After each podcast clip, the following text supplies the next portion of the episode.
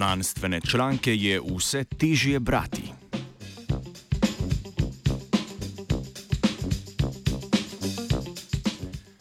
V današnjem znanstvenem Britofu bomo povzeli članek štirih znanstvenikov z oddelka za klinično neurologijo Karolinskega inštituta na, inštituta na švedskem. Vendar članek ni nevrološki, temveč sodi izven osnovnega področja raziskovanja avtorjev. Znanstveniki v reviji eLife namreč poročajo o berljivosti znanstvenih člankov in ugotavljajo, da se leta niža skozi čas.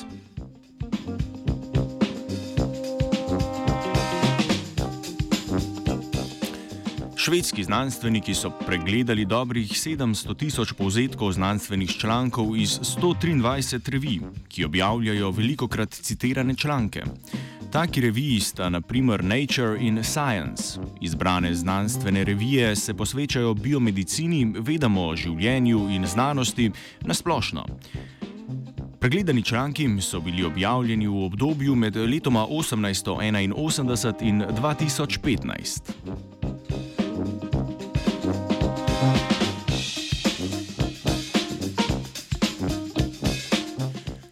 Berljivost povzetkov znanstvenih člankov so ocenili z uporabo dveh uveljavljenih metod.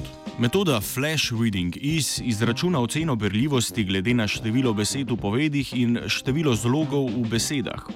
Druga metoda New Del Child Responsibility oziroma Readability Formula izračuna delež težkih besed v vsaki povedi, pri čemer so težke besede tiste, ki jih ni v naprej določenem seznamu pogostih besed.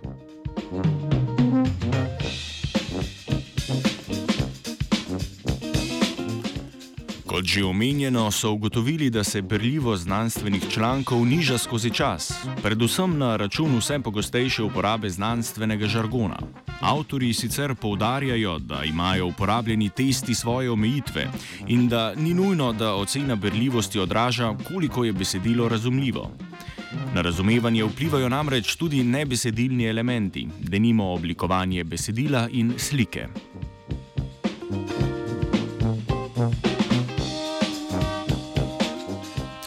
Zelo zaskrbljujoče pa je dejstvo, da je vse več kot petina povzetkov izdanih leta 2015 prejela oceno testa Flash Reading iz podničlo.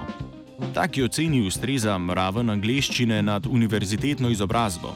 Za znanstveni proces pa je ključnega pomena, da je poročanje o znanstvenih odkritjih jasno in natančno, saj sta le tako omogočeni dostopnost znanstvenih izsledkov in možnost ponovitve poskusov. Nizka berljivost znanstvenih člankov predstavlja tudi overo pri posredovanju znanstvenih izsledkov laikom.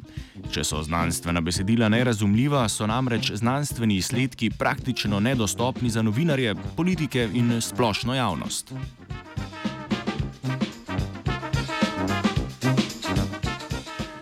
Prebiranju znanstvenih člankov se občasno muči tudi Angelika.